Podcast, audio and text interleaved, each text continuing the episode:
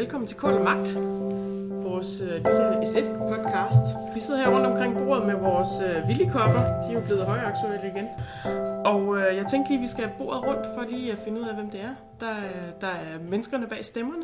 Jeg ved ikke, om, om du vil starte? Jo, jeg vil gerne starte. Jeg hedder Jonas Niemann. I SF der sidder jeg i øh, landsledelsen, og jeg er storkredsformand i øh, SF København.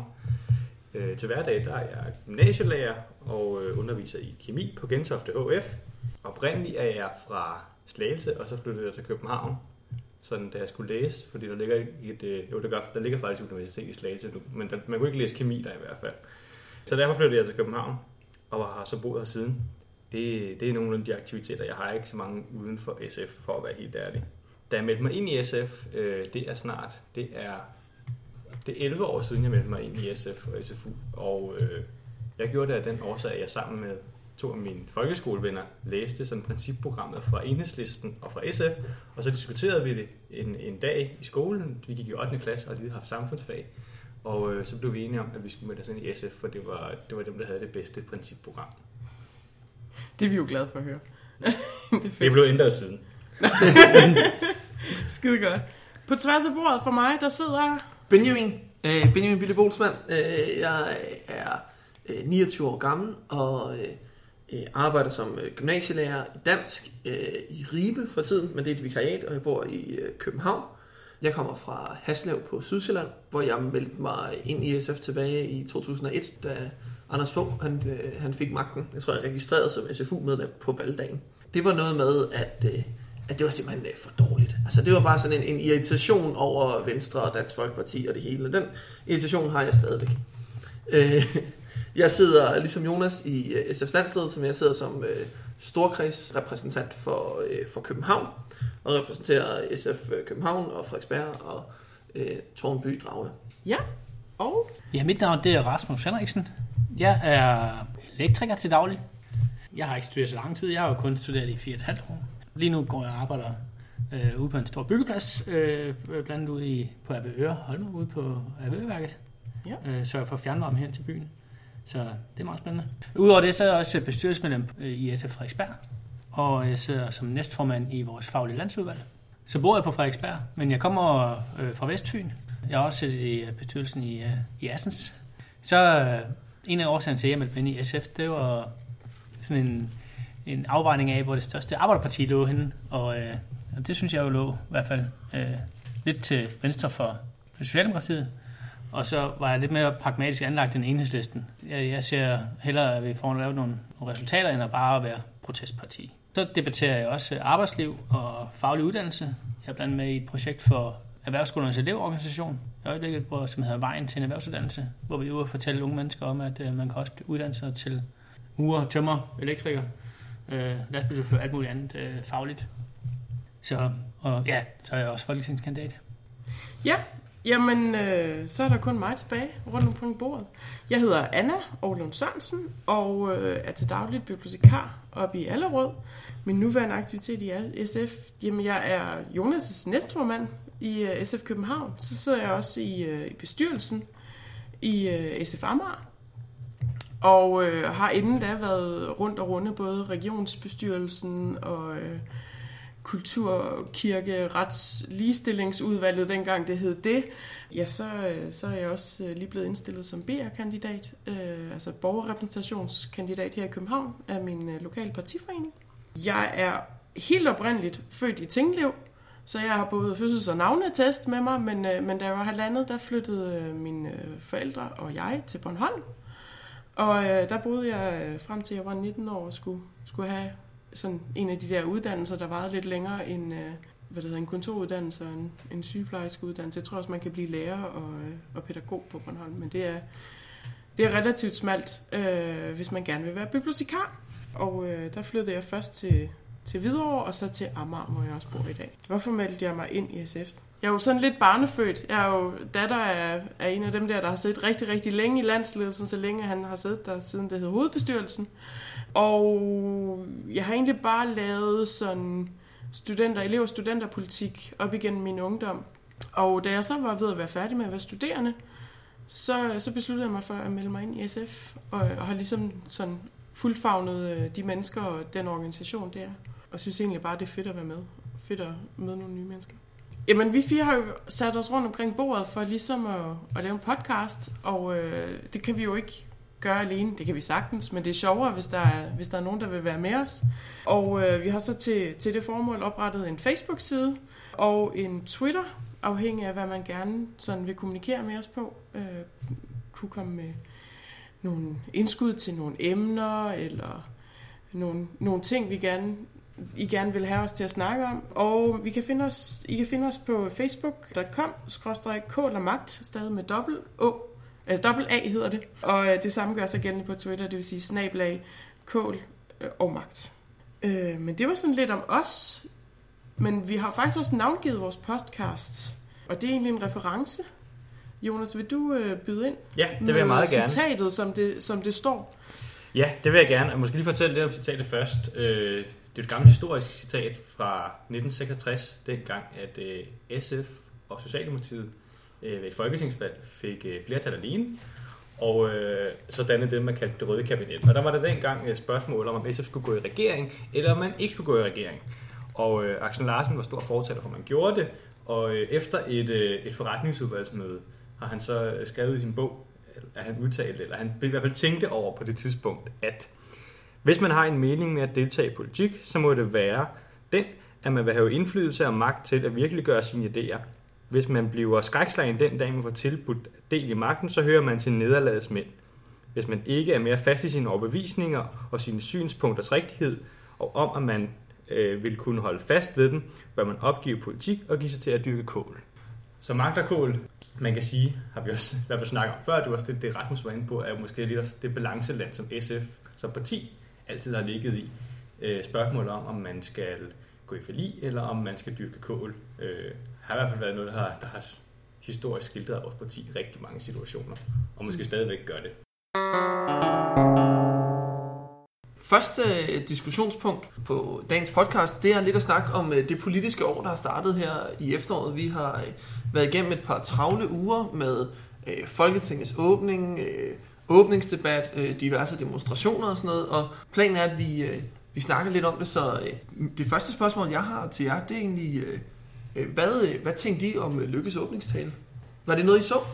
Ja, sådan, øh, sådan, du ved, med den ene, med den ene øre på den, og den anden øre på, på frokostsnakken min, øh, på min arbejdsplads. Jeg ved det ikke. Han havde en mor fra Bornholm. Det var sgu egentlig meget hyggeligt at høre. Jamen det, jeg, jeg kan egentlig godt lide de der sådan små, små historier, de lidt øh, bruger som, øh, som, som en kroben ind i, ind i hjertet på folk. Men det var jo en, en tale med en masse små detaljer, som, øh, som i virkeligheden betyder noget fremadrettet. Altså, øh, et par uger efter, et par dage efter i hvert fald, sådan ligesom sank ind, det var det der med, at han, øh, han, han nævnte et opgør med menneskerettighederne. Det ved jeg sgu, det har jeg sgu ikke så godt med i virkeligheden. Nej. Øh, hvad med jer andre? Hørte I? Øh, jeg, var, jeg, jeg lå faktisk sygemeldt. Øh, jeg var øh, med en arbejdsskade. Så jeg fik lov til at høre hele talen. Og noget af det, jeg også lagde mærke til, det var det her, han nævnte med hans mor.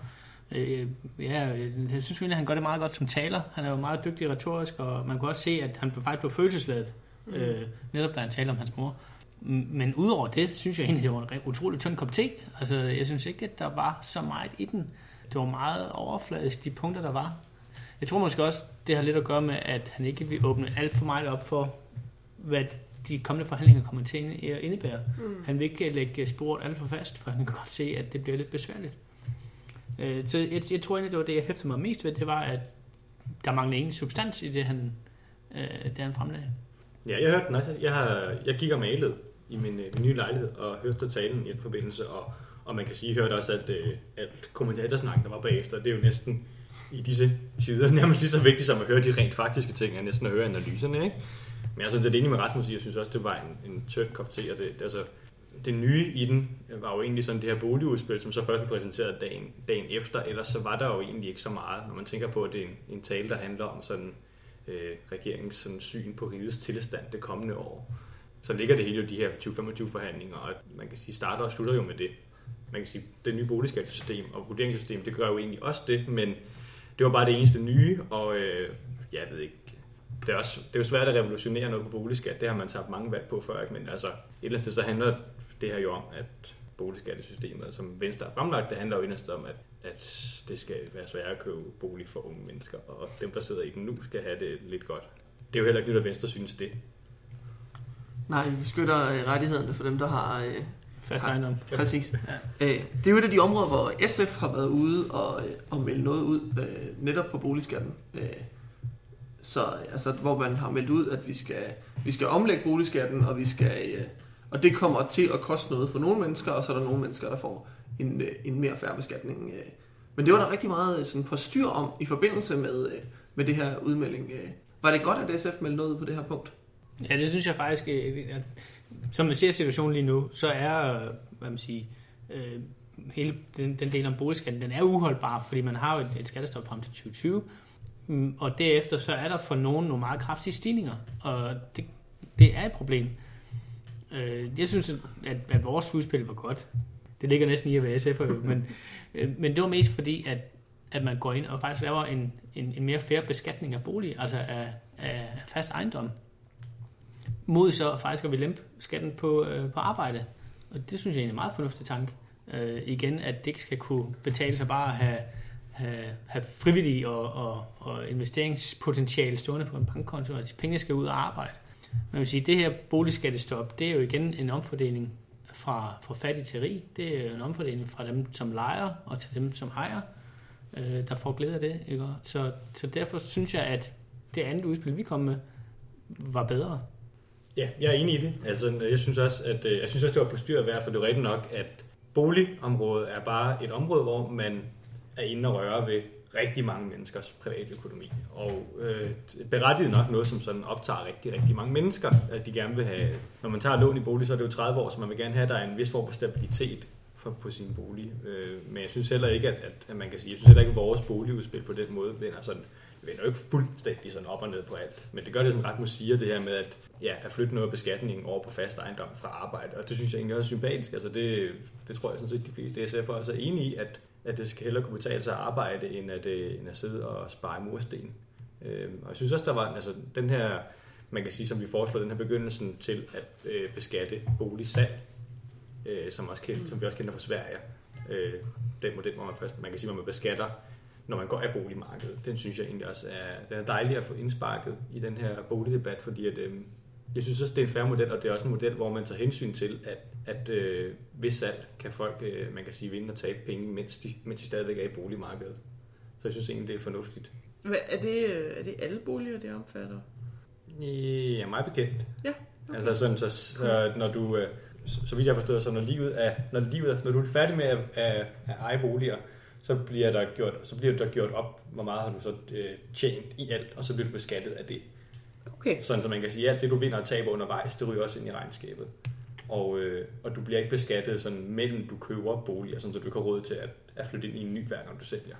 Ja, altså jeg er meget, øh, jeg kan godt følge det her med, øh, at der er et problem med det her med, at man kan spare på boliger. Øh, vi er på til leje, men, øh, men i en ejerlejlighed, øh, lejlighed, øh, så vi fremlejer en lejlighed. Men vores øh, naboer, kan vi se, har sat deres, øh, deres lejlighed til salg. Øh, og de har øh, boet i den i øh, halvandet år, og ser til at kunne tjene 1,3 millioner. Det, det kan jeg ikke øh, få i løn. Øh, sådan rigtigt på den tid. Altså, så det, øh, vi snakker lønninger, altså, vi snakker, at de har tjent, hvad der svarer til sådan øh, tæt på topskattegrænsen, Hmm. bare ved at have en lejlighed i, øh, i halvandet år. Og det, øh, det er sgu lidt vildt. Altså hvis man tænker på, at Venstre har et slogan, der hedder, skal, det skal kunne betale sig at arbejde, mm. så er det her nye boligskattestop, de fremlægger, det er i hvert fald ikke med til at fremskynde det. Og, og det har det jo heller ikke været til, kan man sige. Øh, De forgylder jo igen dem, som har fået rigtig meget frivillige. Øh, Så, og igen, dem der leger, de får intet ud af det her. De risikerer jo tværtimod en, øh, en boligstigning, som de ikke får nogen glæde af. Ja, det var sådan godt forbi det her med boligskat. Er der andet, I synes er, var vigtigt at gribe fat i i forbindelse med åbningsdebatten eller åbningstalen? Hvis vi skal vende tilbage til det, det som Anna sagde med øh, konventionerne, opgøret med konventionerne, det er jo sådan en ting, der er, man kan sige, opgøret med konventionerne er sådan en sætning, der er blevet sagt ret mange gange i løbet af det sidste, hvad halvandet år eller sådan. Øhm, og jeg, ved ikke, jeg tror ikke, jeg er så bekymret for det, som, du egentlig er, Anna, fordi jeg, øh, jeg, jeg synes stadigvæk, det lyder meget af teatertorden, og sådan, der er rimelig lange udsigter til egentlig at, at tage et opgør med konventionerne, og når man, så, når man så er færdig med at sige det, så præsenterer de jo heller ikke rigtig sådan, hvad er det egentlig, de gerne vil ændre ved konventionen, hvad er det egentlig, de gerne vil hen til, fordi at, ellers så kunne man godt, man kunne godt snakke om, at det måske er meningsfyldt at ændre konventionerne, der er beskrevet i der 50'erne. Mm. Øhm, så der er måske så nok en politisk uenighed om, hvad skulle de så ændres til. Øh, og det er også måske lidt, i hvert fald lidt det, hvor jeg tænker sådan, det kunne jeg godt, så kunne jeg godt tænke mig at høre, hvad det er, hvad vil Venstre egentlig gerne med det her? Mm. Fordi at jeg tror også, de har, på den måde tror jeg egentlig også, de vil have en kant til Dansk Folkeparti, der sådan vil nok bare måske slet ikke have nogen konventioner, men øh, jeg, ved ikke, jeg frygter i hvert fald ikke noget, før jeg hører, hvad det er, de egentlig vil. Jamen, jeg tror, det jeg umiddelbart sådan var bekymret over, det var netop, at det ville blive en spillebrik i noget forhandling. Øh, altså en eller anden form for, det ved jeg ikke, hvis, hvis Dansk Folkeparti skulle have noget, som ikke nødvendigvis kom til at koste mm. store kleiner, ja. så, øh, så, så, så kunne det være et bud, at man lavede symbolpolitik for dem. Det er jo ikke, fordi de holder sig væk fra sådan noget. Nå, nej, det, så forstår jeg det godt, fordi det, det er sådan set helt enig. Det kommer helt sikkert til at ske, hvis Dansk Folkeparti og Venstre laver en, en 2025 aftale, så kommer der til at stå et eller andet sted, at mm. regeringen vil undersøge mulighederne for at få ændret i de internationale konventioner. Mm. Og nej, måske ikke andet, men så kan Dansk Folkeparti stå og sige, vi fik det. Ja. Øh, uden at det egentlig betyder noget. Jamen det, det synes jeg netop er interessant, fordi Dansk Folkeparti har jo faktisk altid været dygtige til at få noget håndgribeligt. Altså noget, man kan føle. Ja. For eksempel en grænsebom, det er ikke bare en eller anden øh, snak om, at vi skal øh, øh, gøre det sværere at komme henover. Det er en fysisk grænsebom med en arkitekttegning i en finanslovsforhandling. Mm. Det er aldrig set før, at man har lavet arkitekttegninger i en finanslovsforhandling. Men det havde man da i, nu kan jeg ikke huske, om det var finansloven i 07 eller 08, eller ja. hvornår det var. Men de fik lavet en, en arkitekttegning over, hvordan den her grænsebom den skulle se ud med skillerskuer og det hele, hele, hele pivetøjet. Kun fordi, at man så havde noget håndgribeligt. Noget, man kunne sige, det har vi fået. Fordi jeg, jeg tror ikke, at de vil gå med til den her lidt flyvske formulering omkring, vi ønsker et opgør med øh, konventionerne, bla bla bla, og øh, vi undersøger muligheden for at kan træde ud af dem, eksempelvis. Øh, jeg tror, de vil have noget konkret, og det tror jeg bare bliver svært, for jeg tror nok heller ikke, at Venstre vil træde ud af konventionerne. Problemet er jo, vi kan jo ikke i Danmark sige, nu vil vi forhandle konventionerne. Ja, det kan vi godt, men det kommer vi ikke rigtig langt med. Øh, det er man ligesom nødt til at tage øh, på international plan. Og det tror jeg ikke, der er grobund. Der, der, der tror jeg egentlig, at øh, resten af verdens lande bare siger, ja, den er god med jer. Held og lykke. Så, så er alternativet det er jo at træde helt ud. Og det synes jeg er jo bare en meget farlig øh, glidebane at gå, begynde at træde ud i og sige, men øh, vi er utilfredse med, hvordan tingene ser ud nogle steder, så derfor så melder vi os ud af alt, og så prøver vi at forhandle os bagefter. Øh, fordi det tror jeg ikke, man kommer så langt med det. Nej, vi er jo en, en, sådan en, en god øh, sådan en, en retning, vi er gået i retning af, for noget af det, vi også øh, skulle snakke om, det er det her med det, det man kunne kalde højrefløjens kaos. øh, og jeg tror, der er en af grundene til, at Dansk Folkeparti øh, har sagt det, de har sagt, og en af grundene til, at Venstre måske har, har det med i talen, det er den her øh, lidt, øh, lidt spøjse joker, der er kommet ud fra siden med øh, nye borgerlige og øh, Pernille Vermund. Så øh, hvilken betydning tror I det har for dansk politik og for hvad der kommer til at ske her i efteråret, at vi, at vi har fået et nyt parti, der er opstillingsberettet til Folketinget, som har sagt, at de vil føre øh, økonomisk politik som Liberal Alliance og indvandrerpolitik til højre for, øh, for Dansk Folkeparti? Altså, jeg tror, de sidder rigtig, rigtig tungt på de der finanslovsforhandlinger. Altså, at de bliver siddende et godt stykke længere tid, end hvis øh, Nye Borgerlige var blevet øh, opstillingsberettiget. For at prøve at nå hinanden. Og jeg kan ikke rigtig se, hvordan de skulle kunne nå hinanden.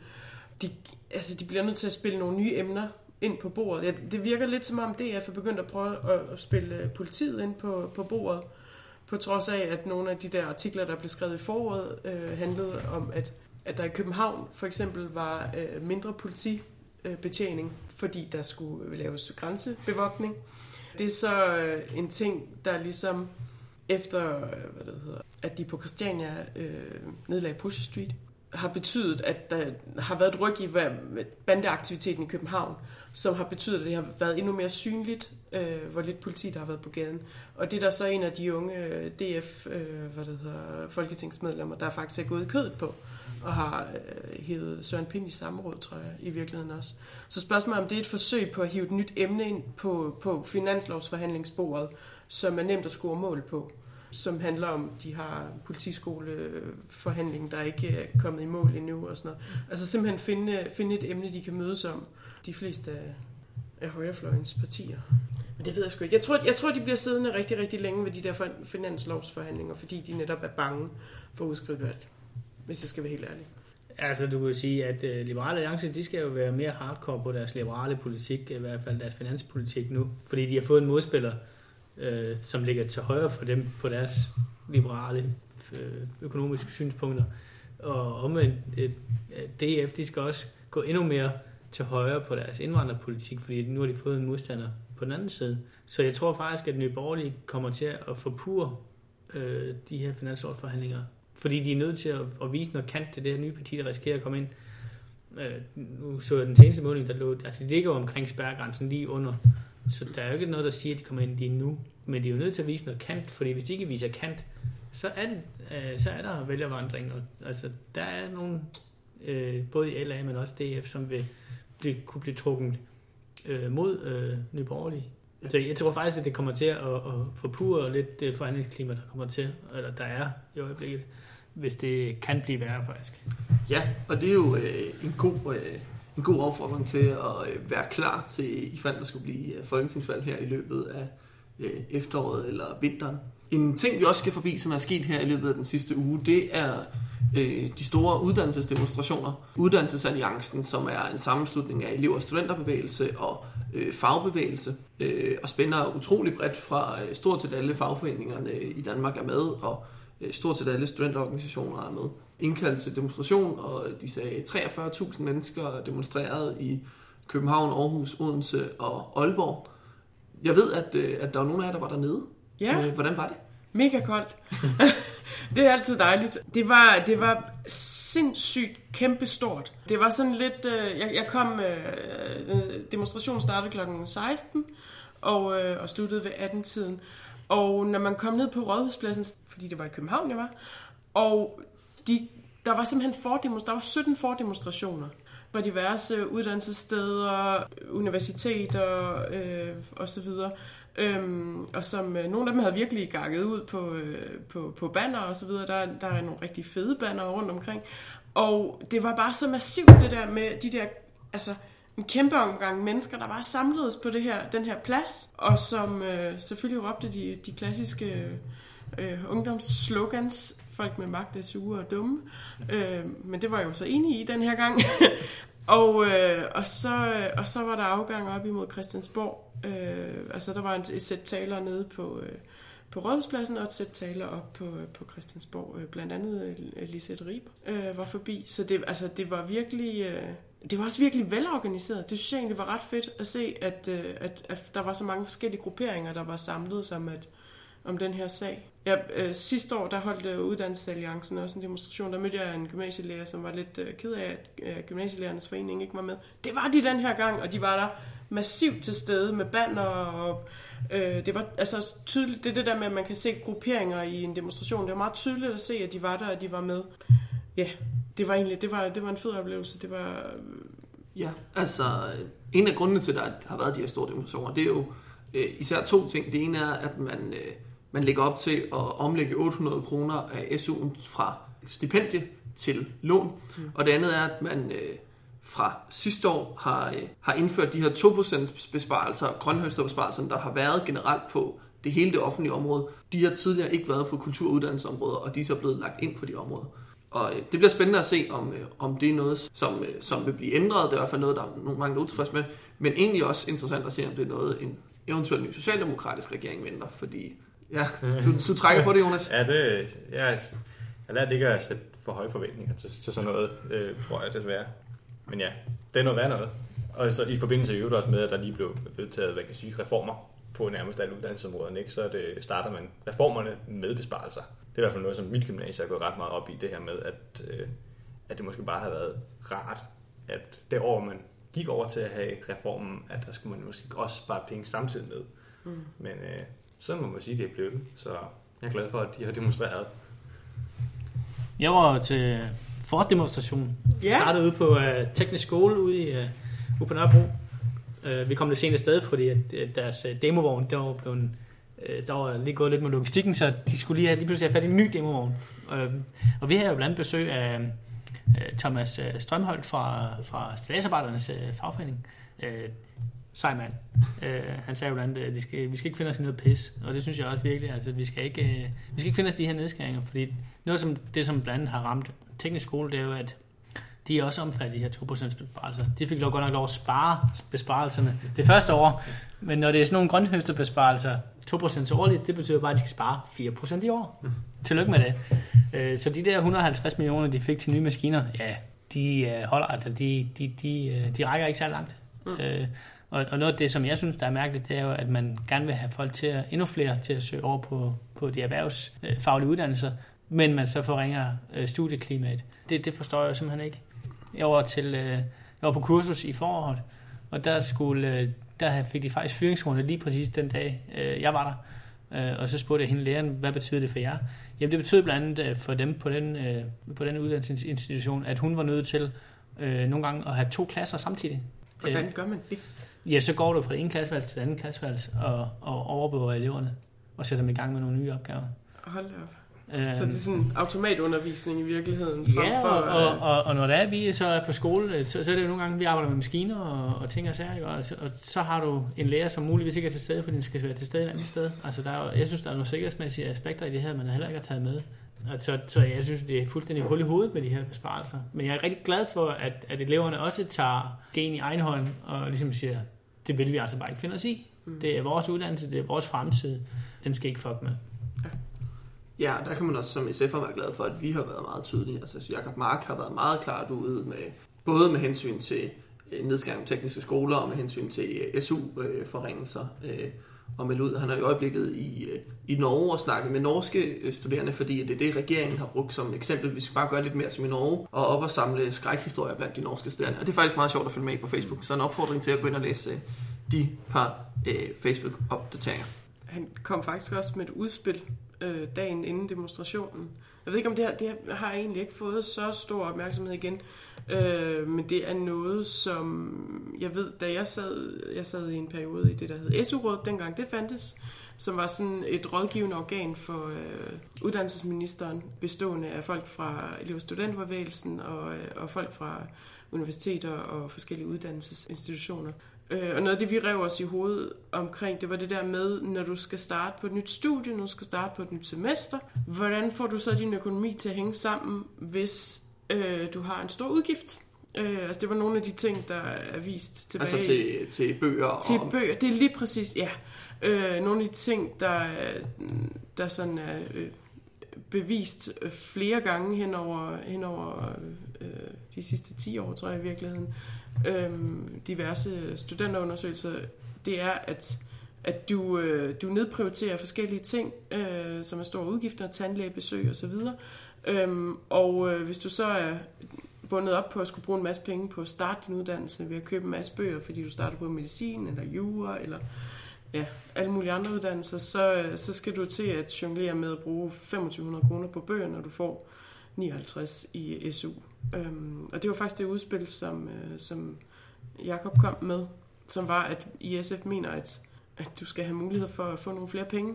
Øh, som Jeg mener, det var som et fradrag, men jeg er lidt usikker på, om det var fradrag eller en, en lille ekstra på penge, men øh, i januar og, og september måned. Ja, så er det blevet øh, min uh, tur til det at præsentere et nyt emne, vi skal i gang med. Uh, det hedder, hvad laver landsledelsen? Egentlig. Ja, egentlig. øh, og øh, jeg kunne jo passende starte med at spørge øh, Jonas og Benjamin. I sidder jo begge to i landsledelsen. Jonas, du er valgt ind på landsmødet. Og Benjamin, du blev insuppleret her på de her øh, nye øh, pladser fra Storkredsen. Er der egentlig forskel på jeres mandat? Nej, altså vi har i hvert fald en stemme hver. Så øh, det, det, er i hvert fald, øh, det er i hvert fald noget, jeg, jeg, jeg synes er ret vigtigt, når vi sidder i ledelsen, at vi ikke bliver sådan, øh, gjort til sådan en A- og B-hold. Ja, det synes jeg faktisk er utrolig ja. vigtigt. Ja, altså, jeg tror, den forskel, der skulle være for mig, det er, at jeg nok føler øh, en, en stor forpligtelse til, fordi man er valgt i Storkredsen til så også at snakke med øh, partiforeningerne og Storkredsbestyrelsen. Øh, mere end hvis jeg nok var valgt af landsmødet, så er det ikke sikkert, at jeg følte mig forpligtet til at møde op til hver eneste møde i Storkredsen og sådan øh, spørge godt efter. Men, ja. øh, jeg har også set, at du er meget aktiv på Facebook og spørger ind til folk, når det er, at I har møder. Nu skal vi diskutere det her. Hvad er jeres synspunkter? Er det sådan også bevidst efter, at du... Ja, det tror jeg. Altså sådan, at jeg føler en, øh, en form for øh, forpligtelse til, når man ligesom øh, repræsenterer andre lokalt, at man så også øh, spørger ind til det øh, og spørger dem om, hvad de synes. Men mit indtryk er i virkeligheden, at de fleste, der har set de der debatter, har fået noget ud af det. Også de andre øh, ledelsesmedlemmer, og også dem, der er valgt på landsmødet. Så det er nok også bare, øh, nok også bare et spørgsmål om, at jeg øh, sådan det der med at være lidt yngre end nogle af de andre, og lidt mere sådan øh, indfødt på de sociale medier, og sådan... Øh, Jeg er i hvert fald rigtig glad for øh, den måde, det har fungeret på. Det virker i hvert fald meget inddragende. Hvad er egentlig, eller hvem er landsledelsen egentlig? Altså, hvad er deres funktion? Ja, hvad er vores funktion? Ja. Ja, vi er jo partiets øh, ja, øverste ledelse mellem landsmøderne, og man kan sige partiets strategiske ledelse. Nu er det Benjamin jo lige kommet ind, men vi har jo holdt, hvad har vi holdt? Fire møder siden landsmødet, tror jeg, vi er oppe på nu. Hvor at man kan sige meget af det har været, her i starten har egentlig været sådan noget med at nedsætte arbejdsgrupper og nedsætte udvalg. Det har været at sådan øh, lægge vores strategi, partiets strategi frem til næste valg, og hvad, hvad forventer vi at kunne bruge øh, næste, efter næste folketingsvalg. Og så er selvfølgelig også tage stilling til noget mere politik. Og det var blevet mere sådan, det blev mere og mere det. Der er nogle, man kan sige, når man starter, er der altid nogle ting, man lige skal have styr på. Noget med at konstituere sig, nedsætte udvalg af arbejdsgrupper og sådan noget, det, det tager noget tid. Og så lige også finde ud af, hvem, hvem er hinanden den her, i den her ledelse, og hvad kan vi bruge hinanden til i forhold til sådan en strategi og arbejdsplan. Men på sidste møde, der, der, fik vi, der fik vi snakket flygtningepolitik. Det var faktisk en rigtig, rigtig spændende diskussion, hvor jeg også synes, vi fik, øh, fik vedtaget nogle rigtig, rigtig gode ting, der man kan sige indtil nu stadigvæk er fortrolige, men jeg synes om ikke, han stadigvæk, at det var, at det var rigtig, rigtig godt. Ja, og Benjamin, du startede faktisk, øh, var det dagen inden landsmødet med, med digitalt at komme forbi på Storkredsmødet? Ja, nu er jeg jo øh, øh i den heldige situation, at jeg har fået et vikariat i Ribe, samtidig med at jeg bor i København, så jeg er ikke altid sådan fysisk til stede i København.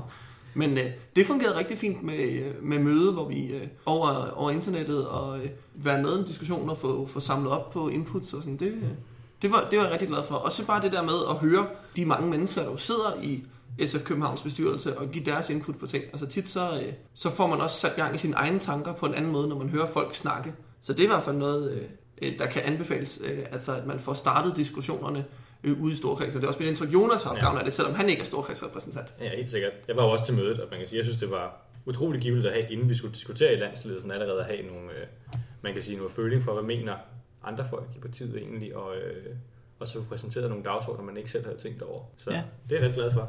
Noget, der er meget snak om, det er jo, at, at man ligesom skulle have mere kontakt med, med de almindelige medlemmer. Øh, Føler I, der ligesom er kommet det nu efter, at for eksempel der er blevet åbnet op for de her storkreds landsledsmedlemmer, men også, at man har haft snakken? Jeg synes egentlig, Benjamin fortalte det rimelig godt med, at han føler en forpligtelse over for Storkredsen og partiforeningerne i Storkredsen. Og man kan sige, det var i hvert fald, mens, mens jeg pladerede for, at vi skulle have de her Storkredsvalg, der var det jo lige præcis af den årsag, at, at det vil man, helt, man vil helt naturligt få en forpligtelse over for sit bagland på en anden måde, men når man er, er landsmødevalgt. Dermed ikke sagt, at man ikke kan være landsmødevalgt og også godt have et, et godt samarbejde med sit bagland, men, men det andet øh, fungerede lidt mere som øh, mere forpligtende, fordi at, øh, man, øh, man passer sgu altid sin valgkreds. Det synes jeg, indtil videre synes jeg, det fungerer utrolig godt, og egentlig også sådan selve arbejdet i landsledelsen, synes jeg også er, ja, er godt. Så det håber jeg også virker i andre, andre store kreds. Hvordan er organisationen i landsledelsen? Sådan, I har været et, I sætter næstformændene, eller hvordan? Ja, altså sådan øh, rent formelt, så består landsledelsen jo af 16. 16 landsmødevalgte landsledelsesmedlemmer, og øh, så groft sagt en fra hver storkreds, bortset fra Bornholm. Altså det er så dem, der øh, for eksempel vælger partiets næstformand, der bestemmer, hvilke områder skal vi have, skal vi have udvalg øh, for. Øh, man, har, man har bestemt, øh, det var det Jonas snakkede om før med, at vi, der er nedsat på landsmødet, blev nedsat nogle ting, vi skulle lave sådan noget politikudvikling på. Og der er ligesom øh, landsledelsens ansvar et, at sikre, at det sker, og to, at sikre, hvordan det skal ske. Altså sådan, så ligesom sørge for, at der er en, en form for en politisk og en demokratisk proces, der sørger for, at ting sker, så det ikke bare er dem, der sidder inde på Christiansborg, øh, der bestemmer alt, hvad der sker i SF. Ja, vi er også begyndt at kunne se det lidt på øh, det der famøse SF medlemsforum, ikke? Øhm, inde på Facebook. Der er der en gruppe. Hvis du ikke allerede er medlem, så hop ind i den. Øh, du bliver spurgt, om du er medlem af SF, det skal du bare lige øh, svare, svare rigtigt på det svar, spørgsmål. Men der er allerede sat gang i nogle diskussioner derinde, ikke? i forhold til nogle af de emner, der skal behandles. Hvad er det for nogle... Ja, altså man kan sige, vi har jo nedsat, øh, ud over vores udvalg, har vi nedsat de her, øh, man kan sige, tre øh, særlige arbejdsgrupper. Et, øh, et, der skal handle om at planlægge sådan kommunalvalg. Et, der skal arbejde med øh, partiets struktur. Og et, der skal arbejde med en regeringsevaluering. Og øh, i hvert fald de to sidste, nok også den første, kommer til at have øh, en del indspark fra medlemsformer også. Også sådan gerne fra, man kan sige, man kan også sende en mail, øh, hvis man gerne vil det, og få, man kan også få nogle folk i de her arbejdsgrupper til at komme ud i sin partiforening og holde nogle oplæg om det.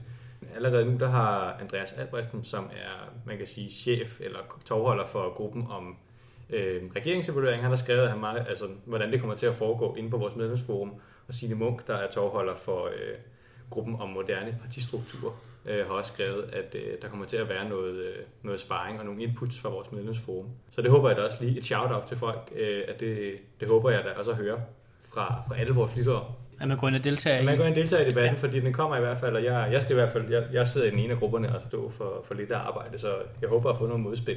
Nu kan jeg se, at øh, et af de næste emner, vi skal diskutere i dag, det er også øh, valgplakater. Har I også diskuteret det i landsledelsen? Eller er det øh, noget, I har lagt ud? Det er ikke noget, vi snakker om. Jeg tror, det er meget heldigt. så en snak om valgplakater, kan, det, det, det, er noget, der ligger folk meget på hjertet. Jeg tror, man kunne bruge mange timer på, øh, på store uenigheder om, hvordan valgplakater skulle se ud. Ja, men det er rigtigt. Øh, valgplakater er det næste tema, øh, og det er jo egentlig øh, et tema, vi har valgt, fordi at der har kørt en, øh, en debat inde på vores Facebooks medlemsforum om valgplakater. Og det, det som det egentlig gik ud på, det var øh, for det første, virker valgplakater overhovedet? Og dernæst også, er det ikke også en kæmpe sådan miljø ressource, vi ligger i alle de her valgplakater, og kunne man ikke gøre noget smartere? Og der har været lidt snak frem og tilbage, så der vil jeg egentlig gerne høre sådan, hvad, øh, hvad er jeres holdninger? Sådan meget hurtigt, hvis jeg bare spørger, skal vi skrotte valgplakaterne, eller skal vi beholde dem? Benjamin? Behold dem indtil videre. Okay, Rasmus? Ja, det synes jeg også. Ja, og Anna? Jeg vil helt vildt gerne op og hænge i lygtepæle. Det er så fedt. okay, så alle for? Ja, umiddelbart. Nå. Men der er, også, altså, der er også et andet aspekt ved det, som netop er den økonomiske del. Ikke? Og det var lidt der, diskussionen også startede. Ja, både økonomi og bæredygtighed ikke? Ja. I, øh, i valgplakater. Så øh, Benjamin, du sagde indtil videre. Ja, altså jeg tror, jeg vil være kæmpe tilhænger af sådan et generelt forbud mod valgplakater, sådan så der ikke var nogen, der hang derop. Men lige for tiden, sådan som valgkampe fungerer i Danmark, så tror jeg bare, at det, at man har valgplakater, signalerer, at man mener det er alvorligt, at man stiller op til valg. Og det gælder både partier, og det gælder måske især til kommunalvalg øh, kandidater, at man fremstår som en seriøs kandidat, hvis man har valgplakater. Mm. Øh, sådan tror jeg, øh, sådan helt irrationelt, der er mange danskere, der tænker. Og så længe danskerne tænker sådan, så bliver SF også nødt til at være til stede med valgplakater, øh, sådan så vi fremstår som et seriøst parti. Ja, og det er også lidt, jeg har det, øh, det ligger så også meget godt op af den øh, hvad man siger, forskning, der ligger på området, at, at der er ikke nogen, der kan se en, hvad man siger, en, en form for stemmeflytning ved, ved brug af valgplakater. Øh, der flytter man ikke så meget, medmindre man ikke er der, og man ikke bliver set. Så, så det er sådan en, at lidt, så længe de andre gør det, så er vi også nødt til at være der, for ellers så mister vi på det. Men vi flytter ikke så meget ved at være der sammen med de andre. Så helt den store effekt har det ikke, medmindre man ikke er der. Jeg ved, at, at vi i Svendborg donerede vores øh, til sådan et Afrika-projekt. Øh, det var, jeg tror, det var hele kommunen, som, der blev alle samlet ind i en sådan speciel container, og så blev de sendt til Afrika og blev lavet til, øh, til tage på, på hytter. øh, så et eller andet sted, så blev de jo brugt til noget øh, fornuftigt bagefter. Øh, at der så er nogen, der ligger og kigger på mit øh, pæne øh, billede. Det ved jeg så ikke, hvordan jeg har det med, men, men det er sådan, det er jo. Det, det, jeg synes, det er fornuftigt, at man ligesom øh, donere det væk, og det kan få et andet liv, for der er jo helt klart også det her miljømæssige aspekt i det. Både om det så er på plast, eller det er øh, masonit med, med, med klæber og pap. Men det er jo faktisk også et andet aspekt det, ikke? Altså, at, at vi er ved at bevæge os væk fra masonitpladerne. Jeg, jeg har gennem hele min barndom set min far ligge på knæ ind i, uh, ind i garagen og, og klistre plakater. Men at vi er ved at bevæge os videre ved, til, uh, til de der dejlige lette øh, versioner, øh, som vi så skal finde en anden form for genbrug i, fordi det er jo netop det, der sådan, altså det er noget af det, der har bekymret mig lidt. Og jeg er ret glad for at høre om, at I, I Svendborg har fundet en, en mulighed for at udnytte dem på en, på en ordentlig måde, fordi jeg tror, min eneste sådan backup idé til, hvad man kunne gøre med sådan nogle af de der plastikplader, det ville være at øh, udskrive en konkurrence om den fedeste opskrift til, til at genbruge dem. Det kan være, jeg kan med det, fordi i København efter folkeafstemningen om retsforbeholdet, der var det sådan, der, der donerede vi vores nedtagende plastplakater til øh, en tequila-importør, der gerne ville pakke tequila-flasker i dem. Mm. Øh, så han sad og skar dem ud sådan i hånden og, og foldede dem, og så fik folk sådan et brev med, at øh, grunden til, at deres tequila-flaske kom med sådan nogle øh, meget grimme politikere som indpakning, øh, det, var, det var noget bæredygtigt. Og vi fik så også en flaske tequila ud af det, så det var så meget godt. og det lyder vældig bæredygtigt, faktisk. Ja. ja. Nå, men det lyder som om, at der er enighed om, at de uh, valgplakaterne er der for at blive, om ikke andet, så, så længe folk gerne vil have dem. Godt. Men vi skal også huske at bruge Facebook. Det, det... Men man kan jo også øh, prøve at indtænke, er der nogle alternativer til øh, valgplakaterne? Altså, jeg kunne jo godt se, at man kunne bruge, øh, for eksempel her i København, der kunne man måske bruge alle pengene på et kæmpe banner inde på H.C. Andersens Boulevard. Jeg tror, det vil give mere omtale end, end, end, end egentlig, at valgplakaterne som sådan vil give. Øh, så er det igen det her med, om, om man så tør at være væk i et hele bybilledet, mod at man så har en kæmpe banner et sted, ikke? Det, øh, det Det siger det bare, at det koster 5.000 kroner at være på venstre siden af en bus i København I hvor lang tid? i nu. Jamen, det, det er vel højre siden, der er den bedste af det, ikke? Det er den der inde mod cykelstien. Ja, ja. Det er jo derfor, det er billigt på venstre siden, ikke? Ja, det er selvfølgelig rigtigt. Det, det er selvfølgelig rigtigt. Det går lidt op ad bakke som, øh, som SF og hapse bilstemmer i, øh, i København, hvis det er det. Så skal man have et rigtig, rigtig godt slogan i hvert fald. Ja. Eller et pænt billede. Ja, jeg tænker noget af det, vi også gerne vil med podcasten, det er måske lige at, at kigge lidt fremad, hvad vi har sådan på programmet i den kommende tid i SF-verdenen. Vi ved ikke alt, men vi ved lidt. Og, øh, og jeg tænker, du har en lille seddel derovre, Jonas. Ja, det har jeg i hvert fald. For vi har fald skrevet nogle datoer ned, som øh, man godt må notere sig, og som øh, vi gerne vil have noget feedback på. Øh, det første, vi har skrevet ned, det er, at der er den øh, 27. oktober kl. 16 til 18 er demonstration mod øh, TTIP og CETA, de, øh, de to handelsaftaler, som SF altså er imod. Og det foregår på, øh, fra Københavns Rådhus ind til Christiansborg. Som sagt, øh, 16 til 18.45 den 27. oktober. Så har vi den 19. november, der holder Region Hovedstaden et kickstart kick-off arrangement for kommunalvalgkampen. Det er jo lige præcis et år til der så skal være kommunalvalg. Så der er øh, alle medlemmer i Region Hovedstaden inviteret til en øh, workshop, der var fra kl. 10 til kl. 16.45 på Rysenstens Gymnasie. Og det kan man også finde Facebook-event for. En, øh, der kommer nogle ret fede oplægsholdere, hvis man skal være kampagneleder eller selv være kandidat til noget. Så det kan jeg varmt anbefale. Og hvis nu man ikke bor i København øh, eller Region Hovedstaden, Øh, så er der sikkert øh, lignende arrangementer, hvor man starter op med regionsvalg og kommunalvalg rundt omkring i landet. Så hold øje med, hvad jeres øh, storkreds eller regionsformand sender ud. Ellers så kan det i hvert fald virke som inspiration. Jeg glæder mig i hvert fald meget, jeg synes, det, det lyder rigtig spændende. Og så har vi de lidt længere briller på, at øh, SF's vintertræf, som man kan sige er sådan et, et halvårsmøde, eller man skal kalde det, som i år særligt øh, nok kommer til at handle om kommunalvalget, fordi at det også er kommunalpolitisk landsmøde øh, sammen med vintertræffet, og der jo er kommunalvalg i 17, øh, bliver det her nok et sted fyldt med kommunalvalgskandidater også. Og det kommer til at være den 21. til den 22. januar i øh, Vingsted ved Vejle, hvor vi har været før. Åh, oh, det er så Et kønt. Dejligt sted, ja.